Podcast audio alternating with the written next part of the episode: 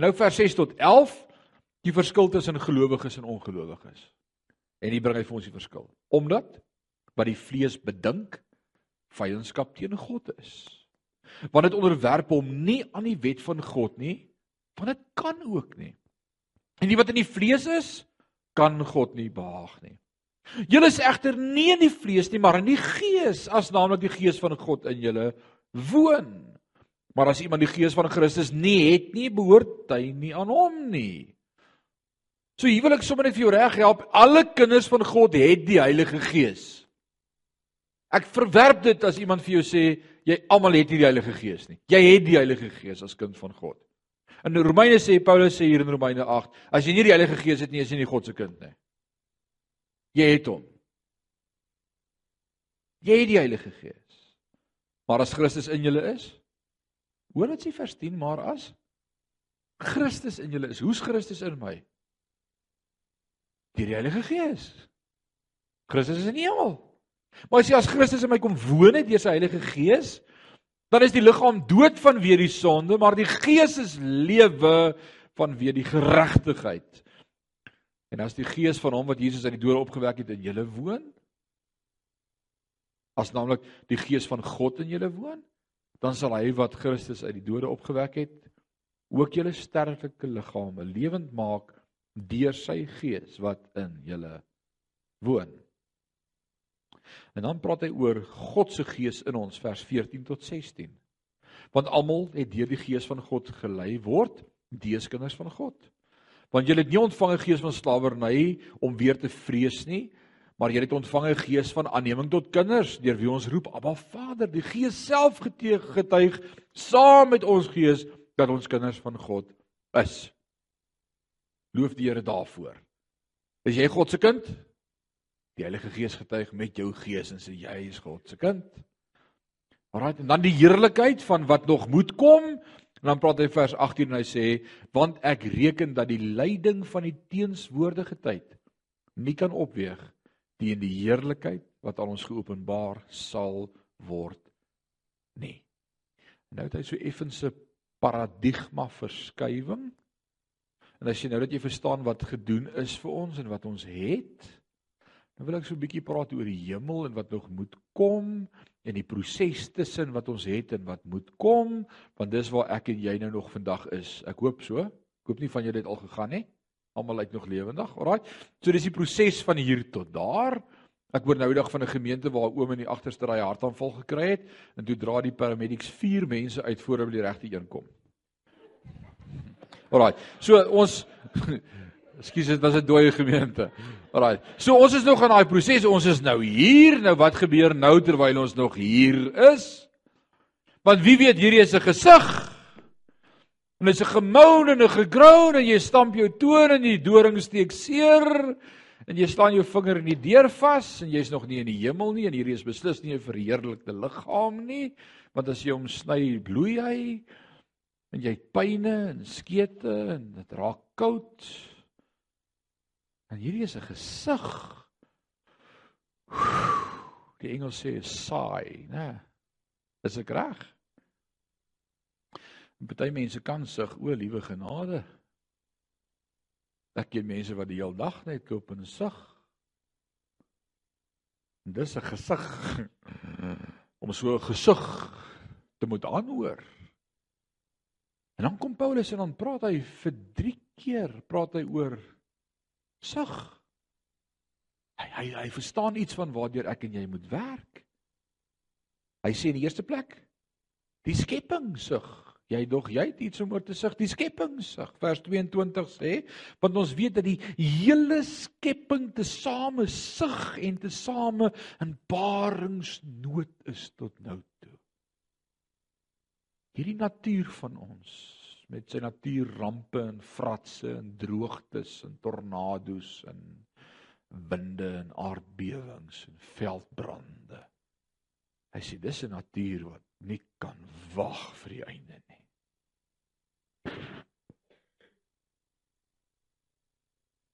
In die tweede plek is okay as ons ook sug. Vers 23. Nie alleen dit nie. Maar ons self ook wat die eerstelinge van die Gees het. Ons sug ook in onsself in on, in afwagting van die aanneming tot kinders, naamlik die verlossing van ons liggaam. Wie kan vanmôre sê amen? Ek kan nie wag om uit hierdie stuk vleis te kom nie. Liewe genade, die geld en die jeug en die pyne en die artritis en die senuwees En dalk sê jy baie keer vir jouself, ek kan nie wag om huis toe te gaan nie. Dis vir my die mooiste ding wanneer ek met iemand praat vir al 'n ou mens op sy sterfbed dalk en sê oom, wat bid ons? Moet ons bid vir genesing en dan sê hy, liewe genade, nee, ek wil huis toe gaan. Moenie terugkom nie. Ek wil huis toe gaan. Ek wil by die Here wees. Paulus sê dit 'n paar keer in sy bediening. Hy sê dis ver weg die beste vir my om by Christus te wees. Maar terwyl hulle van julle wat nog swak is, sal ek maar bid om nog 'n bietjie in die lewe te bly ek maar vir julle probeer in die hemel kry, maar ek wil by die Here wees. Ek wil huis toe gaan. Na my ewige tuiste. So hy sê ons sug ook. Hoekom sug ons? Ek dink baie keer hoe moet dit wees om by hom te wees? Ek vang my keer baie keer dat ek punt. En is dit selfsugtig? Nee. Ek dink nie dis die realiteit. Jy moet hemelsbewus wees. Iemand sê eendag vir my you are too heavenly minded to be earthly any good.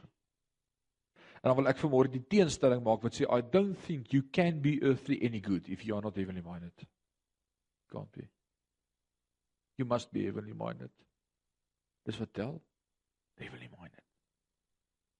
So Paulus sê ons sug ook. Ons sug en ek weet baie van ons wil nie hemel toe gaan nie of wil nie nou dood gaan nie. Dis soos die ou oom wat in die kamer lê op sy sterfbed, laaste, lê al 3 dae daar, praat nie. En dan kom sy dogter by hom kuier en sy kom sit daar by sy bed en hy ryk, ryk, ryk so hy sê, oh, "Ek ryk ma se lekker vleispastytjies. Ek is nou so lus hê vir maak soek van dit." Sy kom in die kombuis en sê, "Ma, pa sê hy soek van daai vleispastytjies." En sy stuur hom terug. En sy kom in die kamer en sê, "Ma, ma sê dis vir pa se begrafnis." Pa kan nie daarvan kry nie. Dis vir die gaste. Alraai. Wat sal ons maak sonder humor? Dis dit sal 'n sad lewe wees as ons nie meer kan lag nie.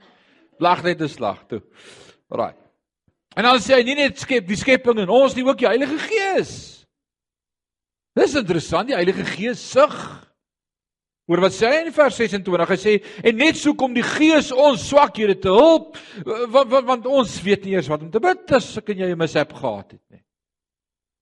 Maar kom kom dit in my lewe wat ek wragtig nie eens weet wat om te bid nie. Ek ek voel te skaam om te bid. Ek ek ek voel ek het nie woorde nie. Wat wat moet ek nou vir die Here sê? Ek het alweer.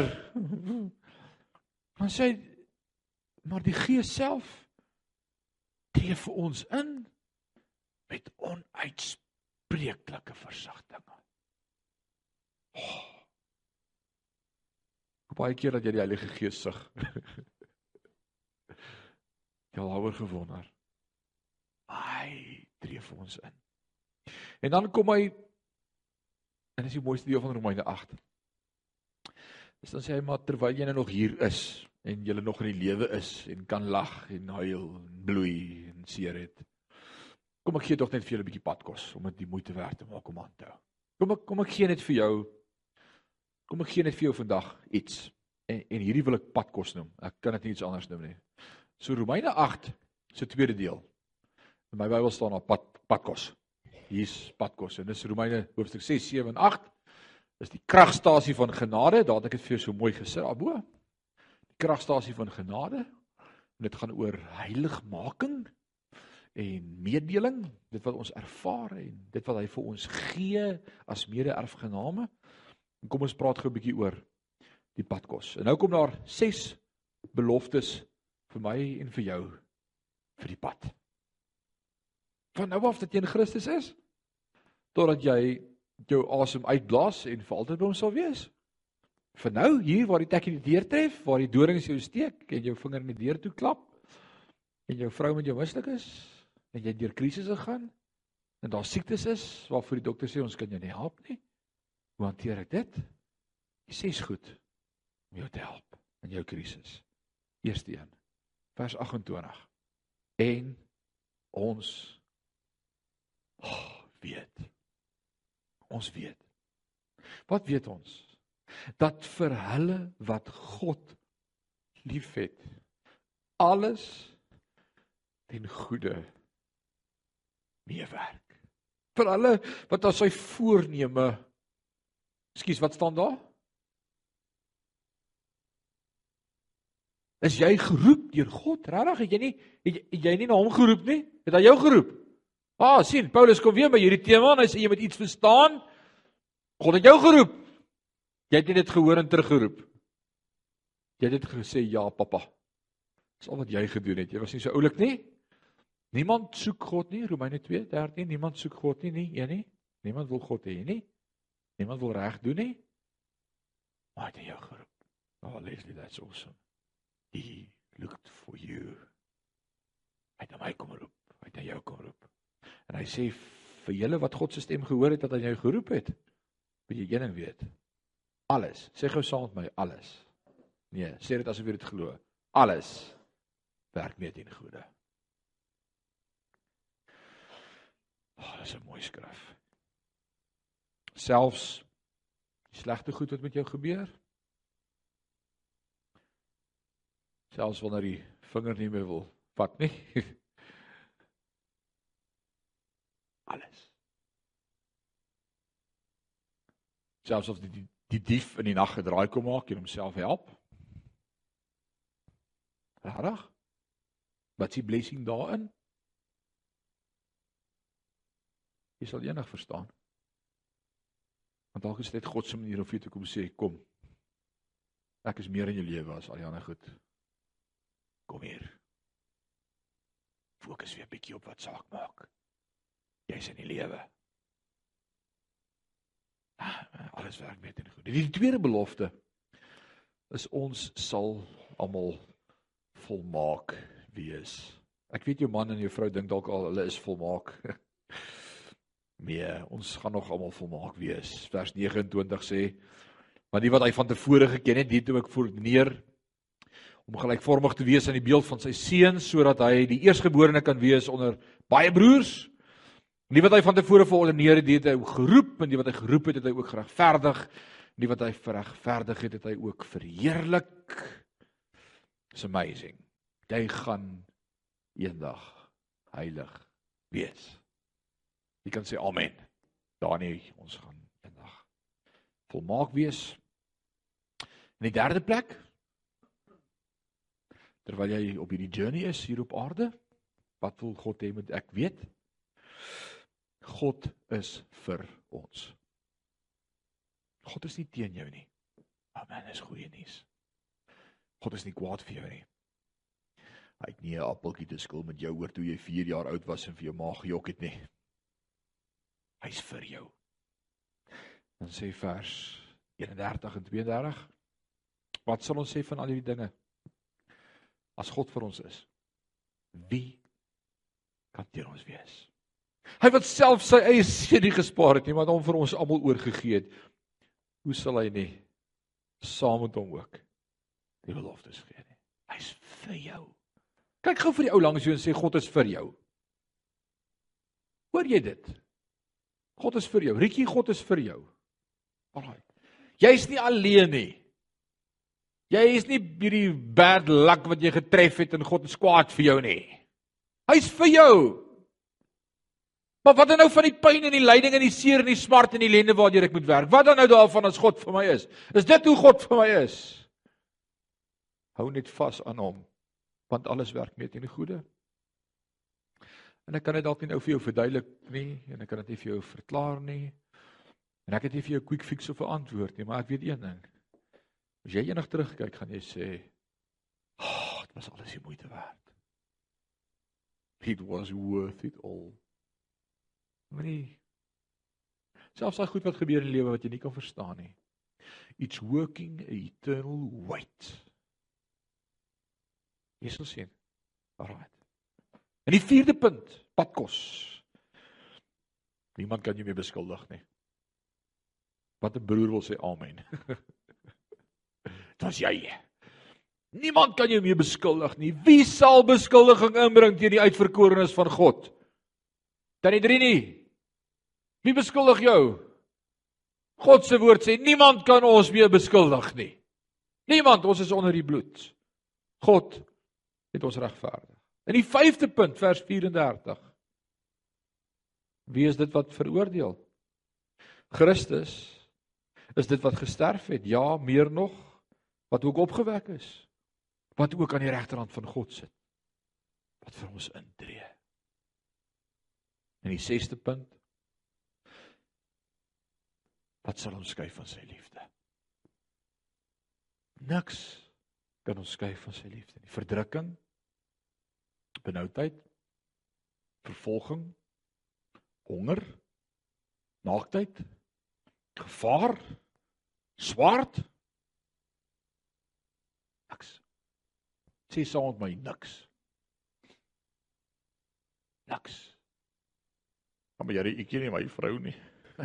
nee, niks. Niks kan jou skei van sy liefde nie. En dis juis presies die goed wat met gelowiges gebeur in hierdie lewe. As jy wil weet wat is die issues in mense se lewens? Hierdie 6 punte. Dinge gebeur met my wat nie goed is en mooi is nie. Hoe kan die Here dit met my laat gebeur as hy lief is vir my? Alles werk met in goeie. Al voel dit nie so nie. Jy gaan eendag volmaak wees. God is vir jou. Niemand kan jou beskuldig nie. Niemand veroordeel jou nie. En niks kan jou skei van God se liefde nie. Nou moet voel nie of die Here vir my lief is nie. Hy is lief vir jou. Hy is oneindig lief vir jou. Hy is so lief vir jou dat hy my vanmôre vroeg wakker gemaak het om vandag vir jou te kom preek. Want hy jou verskriklik lief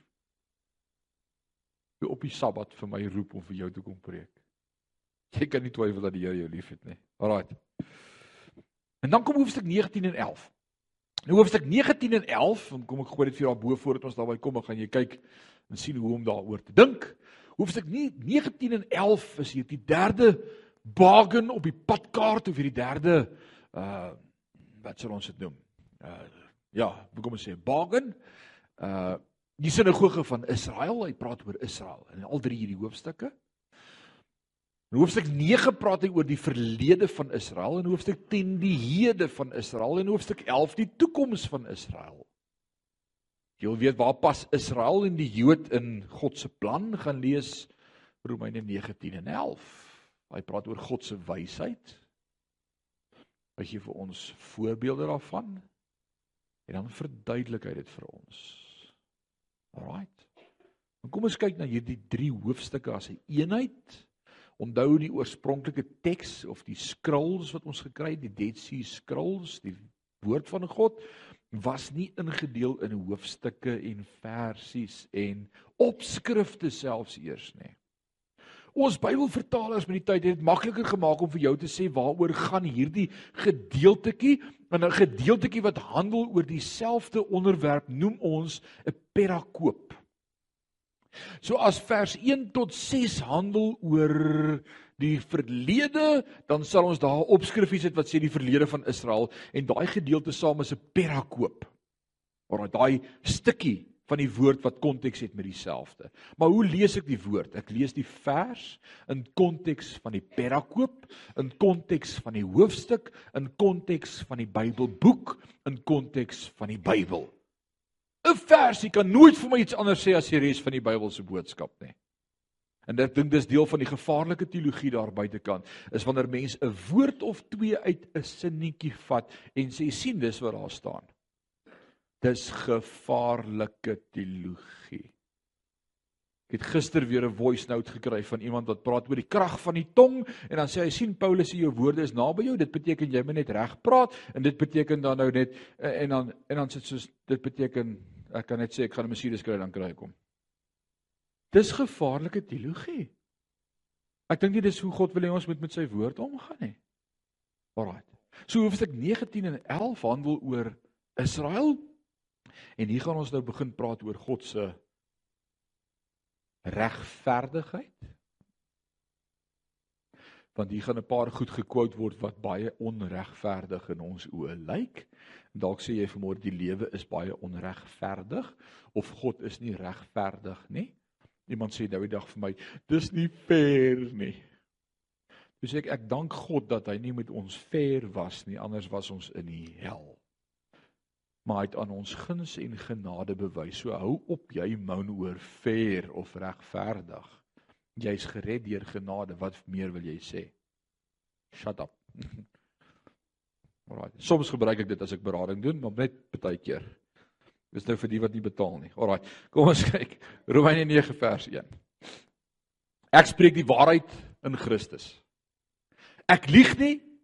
My gewete getuig saam met my in die Heilige Gees dat dit vir my 'n groot droefheid is en 'n op onopbouende smarte vir my hart want ek sou self kon wens om ter wille van my broers, my stamgenote na die vlees, 'n vervloeking te wees weg van Christus af.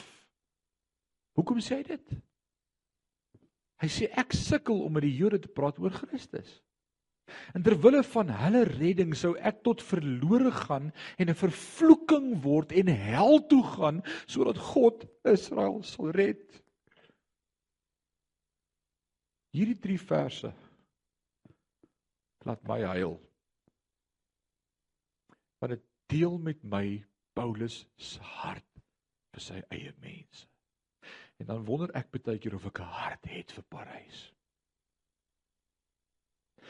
Ek wonder of ek die hart het wat sal sê, Here, ek sal eerder vir ewig in die hel brand en 'n vervloeking wees as U Parys se mense sal red en tot bekering kan kry sodat hulle by God kan wees. Ek is te selfsugtig. Te hel met die res, ek wil hemel toe gaan. Dis nie ons attitude in die lewe nie. Te hel met jou, ek gaan hemel toe. Ek's God se kind. Ek weet wie ek is. Paulus sê jy verstaan nie, as jy hart het vir mense. As jy bereid om op die plek te kom waar jy sê Here, minder vir my sodat hulle by U kan uitkom. Jy wil weet of 'n regte leraar 'n verhouding met God het. Dit moet die attitude wees. En dan kom hy in vers 13 6 tot 13 Hoor wat sê hy vir ons daar? Hy sê maar ek sê dit nie asof die woord van God verval het nie. Want dan het nie almal Israel wat uit Israel is nie. Israel is nie almal wat uit Israel kom nie. Ook nie omdat hulle Abraham se nageslag is nie. Is hulle almal kinders nie, maar in Isak sal jou nageslag genoem word. Dit wil sê nie hulle is kinders van God wat die kinders van die vlees is nie, maar die kinders van die belofte word gereken as die nageslag. So hy sê kom ek kom ek help julle net reg. Wie is Israel? Is dit net die klomp wat daar in Israel bly? Die klomp met die kromneuse en die snaakse name? Hy sê is dit Israel? Is of as jy deur die geloof deel geword het van die koninkryk is jy ook deel van die beloftes van Israel. So ons moet onderskei tussen die vleeslike Israel en die geestelike Israel. Is God klaar met die vleeslike Israel? Nee. Moet dit nie een kant gooi en sê God is klaar met hulle nou is ons dis nie vervangingsteologie nie. Laat ek jou reg help. Right. Ons het hulle nie vervang nie. Ons het deel geword. Ons is daai wille takke wat nou ingeloot is en deel word van die boom. Alraai. Geestelike Israel. Dan Jakob het nie verdien om liefde te ervaar nie. Hoor wat sê hy daarvan vers 9 af. Want dit is die woord van die belofte omtrent hierdie tyd sal ek kom en Sara sal 'n seun hê. En nie alleen dit nie, maar ook Rebekka wat swanger was swanger uit een naamlik Isak ons vader wat toe die kinders nog nie gebore was nie en nog geen goed of kwaad gedoen het nie het God die voorneme gehad om volgens sy verkiesing te bly staan nie uit die werke nie maar uit hom wat roep is vir haar gesê die oudste sal die jongste dien. Soos geskrywe is Jakob het ek lief gehad en Esau het ek gehaat. Wat sal ons dan sê? Is daar miskien onreg by God? Is dit fair? Hy sê voordat die twee nog kon sonde doen, voordat hulle nog gebore is, het God besluit wie hy gaan haat en hy het besluit wie hy gaan lief hê. Is dit fair? En dan wil ek vanmôre die stelling maak wat sê Jakob het nie verdien om liefde te ervaar nie. Hy was 'n bedrieger. En ek wil sê Esau het nie verdien om geseën te wees nie. Hy het sy eersgebore reg sommer verkoop. Maar God bewys genade.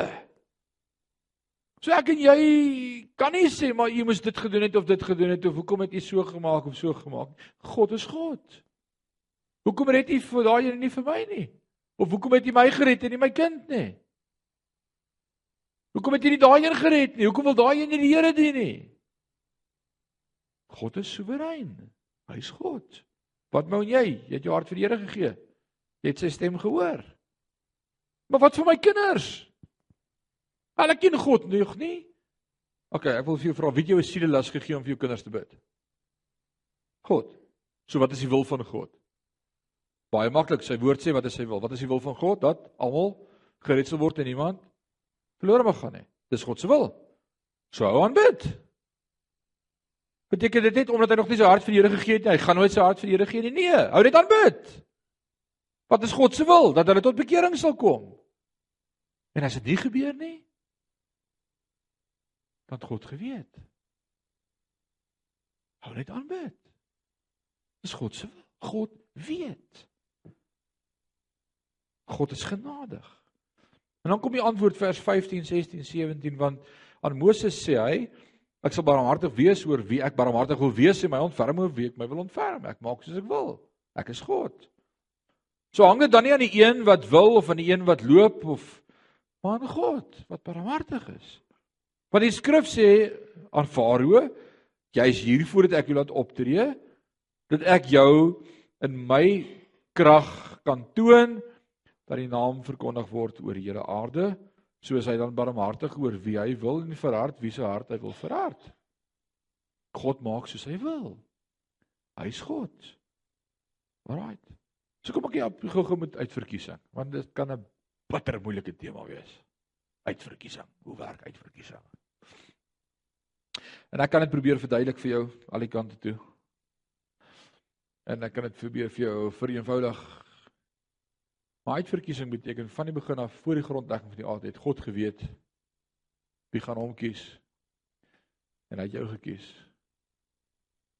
En ek weet nie wie gaan God kies nie en ek weet nie wie het God gekies nie, maar hy weet. En al wat uitverkiesing vir my sê is God weet meer as ons. Wel ek weet een ding. Ek het gedink ek het my hart vir die Here gegee tot ek die Bybel begin lees het en toe kom ek agter hy het my geroep om my hart vir hom te gee. En ek so God dank bly ek kon my ore oopmaak en luister. Want ek het 'n tendensie gehad om nie te luister nie. En ek kon dit gemis het. Hæ? Ek kon dit gemis het. En as ek dan gemis het, het God geweet ek gaan dit mis. Ja. En omdat hy dit geweet het, is hy God en nie ek nie, want hy het voorkennis. Want hy het alle kennis. So wil jy vandag sê dis onregverdig? So ek dien God net omdat hy my geroep het om hom te dien. Ek wil nie die Here dien nie. Nee, nee, nee, nee, nee. Dien God voluit. Dis genade dat hy jou geroep het. Dis genade dat jy sy stem gehoor het. Jy's gered. Jy's gered.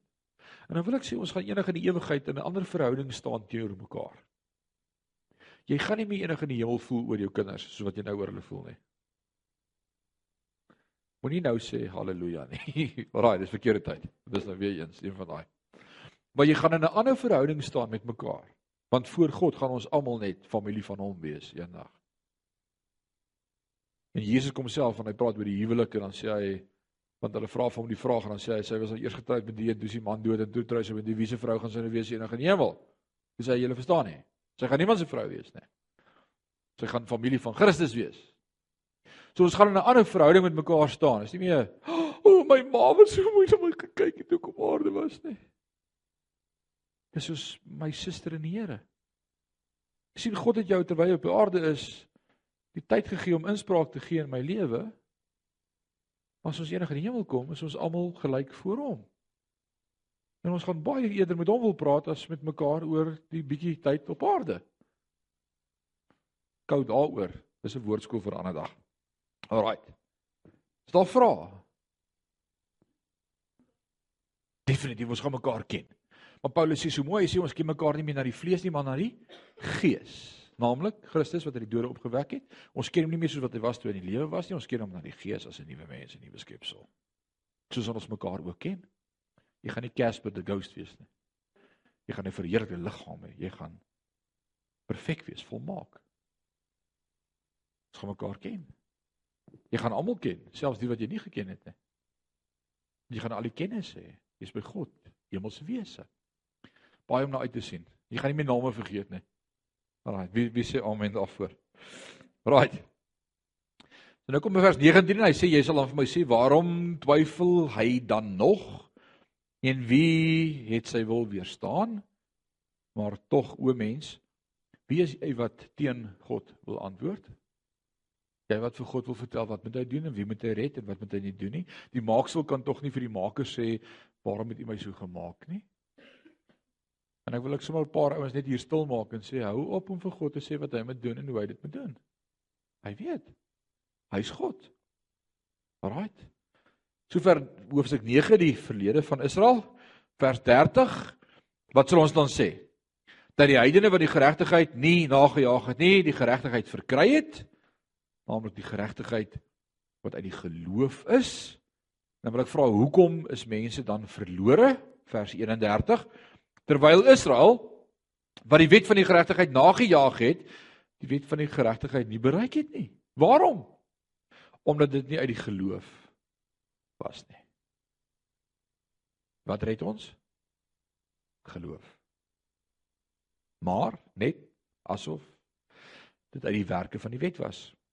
Want hulle het al gestamp teen die steen van aanstoot. Soos geskrywe is, kyk ek lê in Sion 'n steen van aanstoot en 'n rots van struikeling En elkeen wat in hom glo sal nie beskaam word nie. En dan kom Romeine 10 en hy praat oor Israel se hede. Hoofstuk 11 praat oor Israel se toekoms.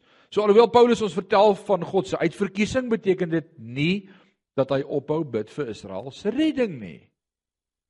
Jy bid nog steeds vir Israel se redding en dis wat hy doen in Romeine 10 vers 1 broeders, die verlange van my hart en die gebed wat ek tot God vir Israel doen, is tot hulle redding. Ek bid nog steeds dat God hulle sal red. Nou ek wil nie vandag na Daniël toe gaan nie want dit gaan 6 ure byvoeg by ons 3 ure sessie van Romeine. Maar die 70ste week van Daniël, Daniël se droom van 70 weke, 69 weke verby. Nou is dit die dispensasie van kerk. God het gepos met die Jood by Christus. Hoe weet ek dit? Want net voor Christus terwyl hy nog op aarde was, die dispensasie van die Jood, kom die vroutjie by hom en sy sê my kind is siek. En hy sê vir haar jou hond, ek het nie nou gekom vir julle nie. Ek het gekom vir die verlorenes van die huis van Israel. Alraight. Ek het nie nou gekom vir julle klomp heidene nie. Ek deel met die Jode. Ek het werk om te doen. Ek probeer Israel oortuig ek is die Messias.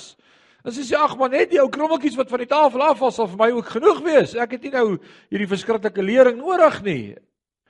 Maar sy genade vrou jou geloof het jou gered. Gaan die kind gesond. So Jesus sê self, ek's besig om te deel met die huis van Israel, ek deel met die Jood. Hy sê Jerusalem, Jerusalem, hoe dikwels wou ek by julle mekaar maak, soos 'n henaar kyk en maar julle wou nie. Met wie deel Jesus? Met Israel.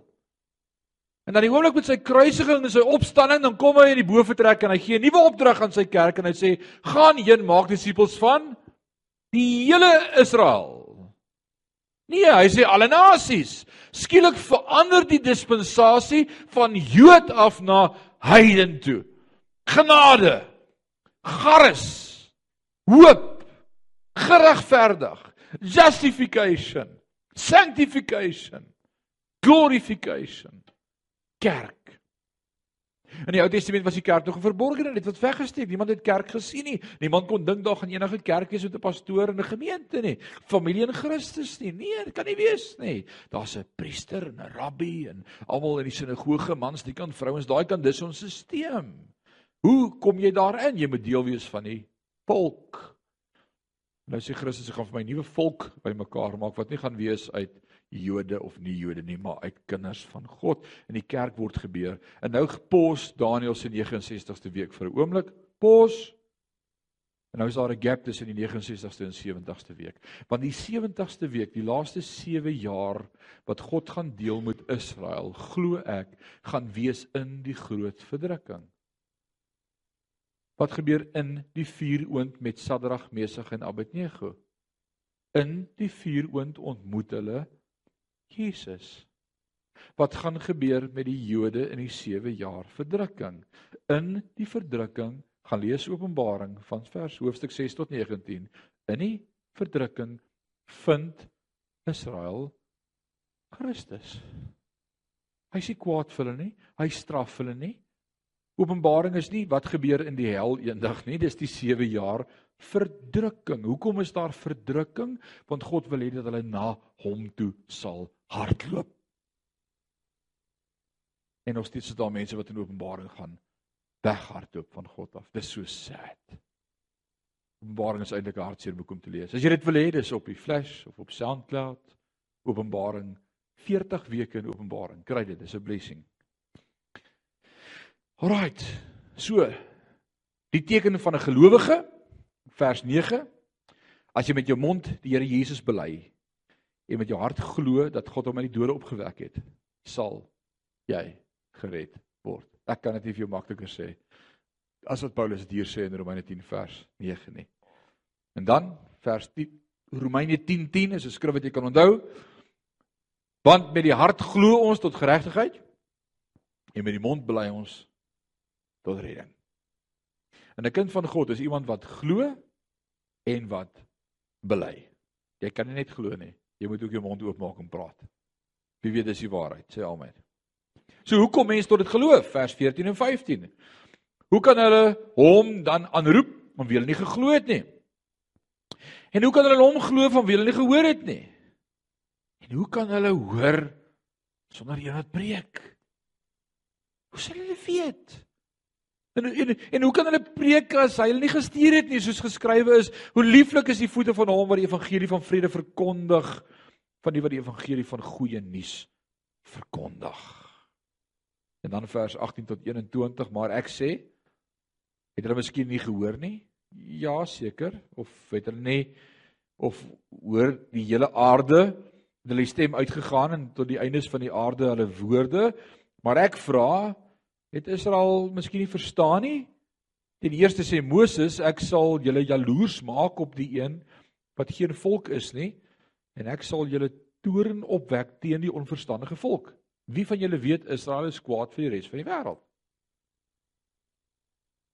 Alles daai al in vir ons. Want ons praat van hulle God as ons God. En hulle sê maar ons het die wet en ons het die Torah. En ons is God se volk en ons het die beloofde land. Hulle like nie die pelgrims wat in Israel gaan toer nie. Wie weet dis die waarheid? Ek was al 'n paar keer daar. Hulle like jou niks. Jy's 'n indringer. Dis ons belofte. Staan daai kant toe. Hulle behandel jou soos 'n hond. Regtig. Hulle like jou nie. Die woord van die Here sê, hoekom nie? Paulus sê dit baie duidelik. Hy sê ek maak hulle jaloers. En Jesaja durf selfs sê en dan quote hy ek het my laat vind deur die wat my nie gesoek het nie. Ah, Romeine 2:10, 19. Niemand soek my nie, nie een nie. Julle het my nie gesoek nie. Julle was heidene, ons was verlore. Nou wat sê hy nou? Hy sê Jesaja het tot geprofeteer gesê, ek gaan my laat vind deur wie wat my nie gesoek het nie. Ek het verskyn aan die wat my nie gevra het nie. Jy het God nie gesoek nie, jy het nie na hom gevra nie, maar hy het aan jou verskyn. Is dit nie amazing nie? Maar van Israel sê hy, die hele dag het ek my hande uitgebrei na ongehoorsame en teesprekende volk. En hulle wou nie. Israel mis dit. So is God klaar met die Jood omdat hulle nie wou hoor nie. Hoofstuk 11. Nee. Ek vra dan, het God miskien sy volk verstoot? Nee, stellig nie. Want ek is ook 'n Israeliet uit die nageslag van Abraham van die stam van Benjamin en nou van vers 2 tot 5 al dink hulle daar is nie een oor nie God sê daar's baie Israeliete oor Nou daai gedeelte wat hy quote in vers 2 tot 5 kan jy onthou Dis Elia wat sê ek is alleen op die berg en daar's niemand meer oor nie. Ek het nou die Baalprofete verslaan en uh, ek is die enigste een wat sê God, man, gaan net hier om die draai. Dan gaan jy sien julle is nog baie. Ek het 'n ander plan met jou as wat jy gedink het. En reg oor die wêreld is Israeliete. God is nie klaar met hulle nie. Alraait. Dan kom hy in vers 7 tot 11 en dan sê hy wat dan?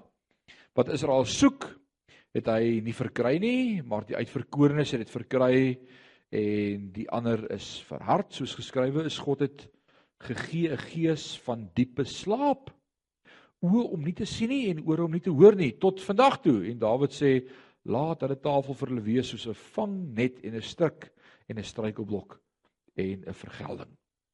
En ek wil vir jou sê dis vandag nog die waarheid. Praat met 'n Israeliet oor Christus en sy oë is blind en sy ore is doof en sy hart is toe hulle wil nie hoor nie God sê, ek het die diepe slaap op hulle gebring. Vers 11. Ek vra dan, het hulle miskien gestruikel om te val? Nee, stellig nie. Maar deur hulle val, het hulle die saligheid tot 'n heidelik so tot tot die heidene gekom om hulle jaloers te maak. En nou skets hy die prentjie van 'n boom en hy sê ons is die wille lote wat ingeplant is. Ons kan nie daar roep en sê ons is nou die boom nie. Ons is die wille lote. Ons is deel van die boom. En dis hoofstuk 11. So tot en met hoofstuk 11 praat hy oor die probleem en dan hoe God met die Jood gaan deel. En nou sê hy vir ons het soveel redes om bly te wees. Wie van julle is sover baie baie bly? Nou dat jy die probleem gehoor het en gehoor het hoe gaan God met Israel deel en nou begin hy in hoofstuk 12 en hy sê vir jou luister. Don't worry, be happy. Alright, smile net. Smile net. Wees bly man. Kom aan. Wat gaan jy nou daarmee doen? Nou dat jy hierdie belofte ontvang het en gehoor het van die probleem en hoe God die probleem geantwoord het en selfs met Israel, waar los dit nou vandag vir my en vir jou hier op aarde? Ons het tot padkos gekry vir die pad en dan wil ek sê ek is baie bly.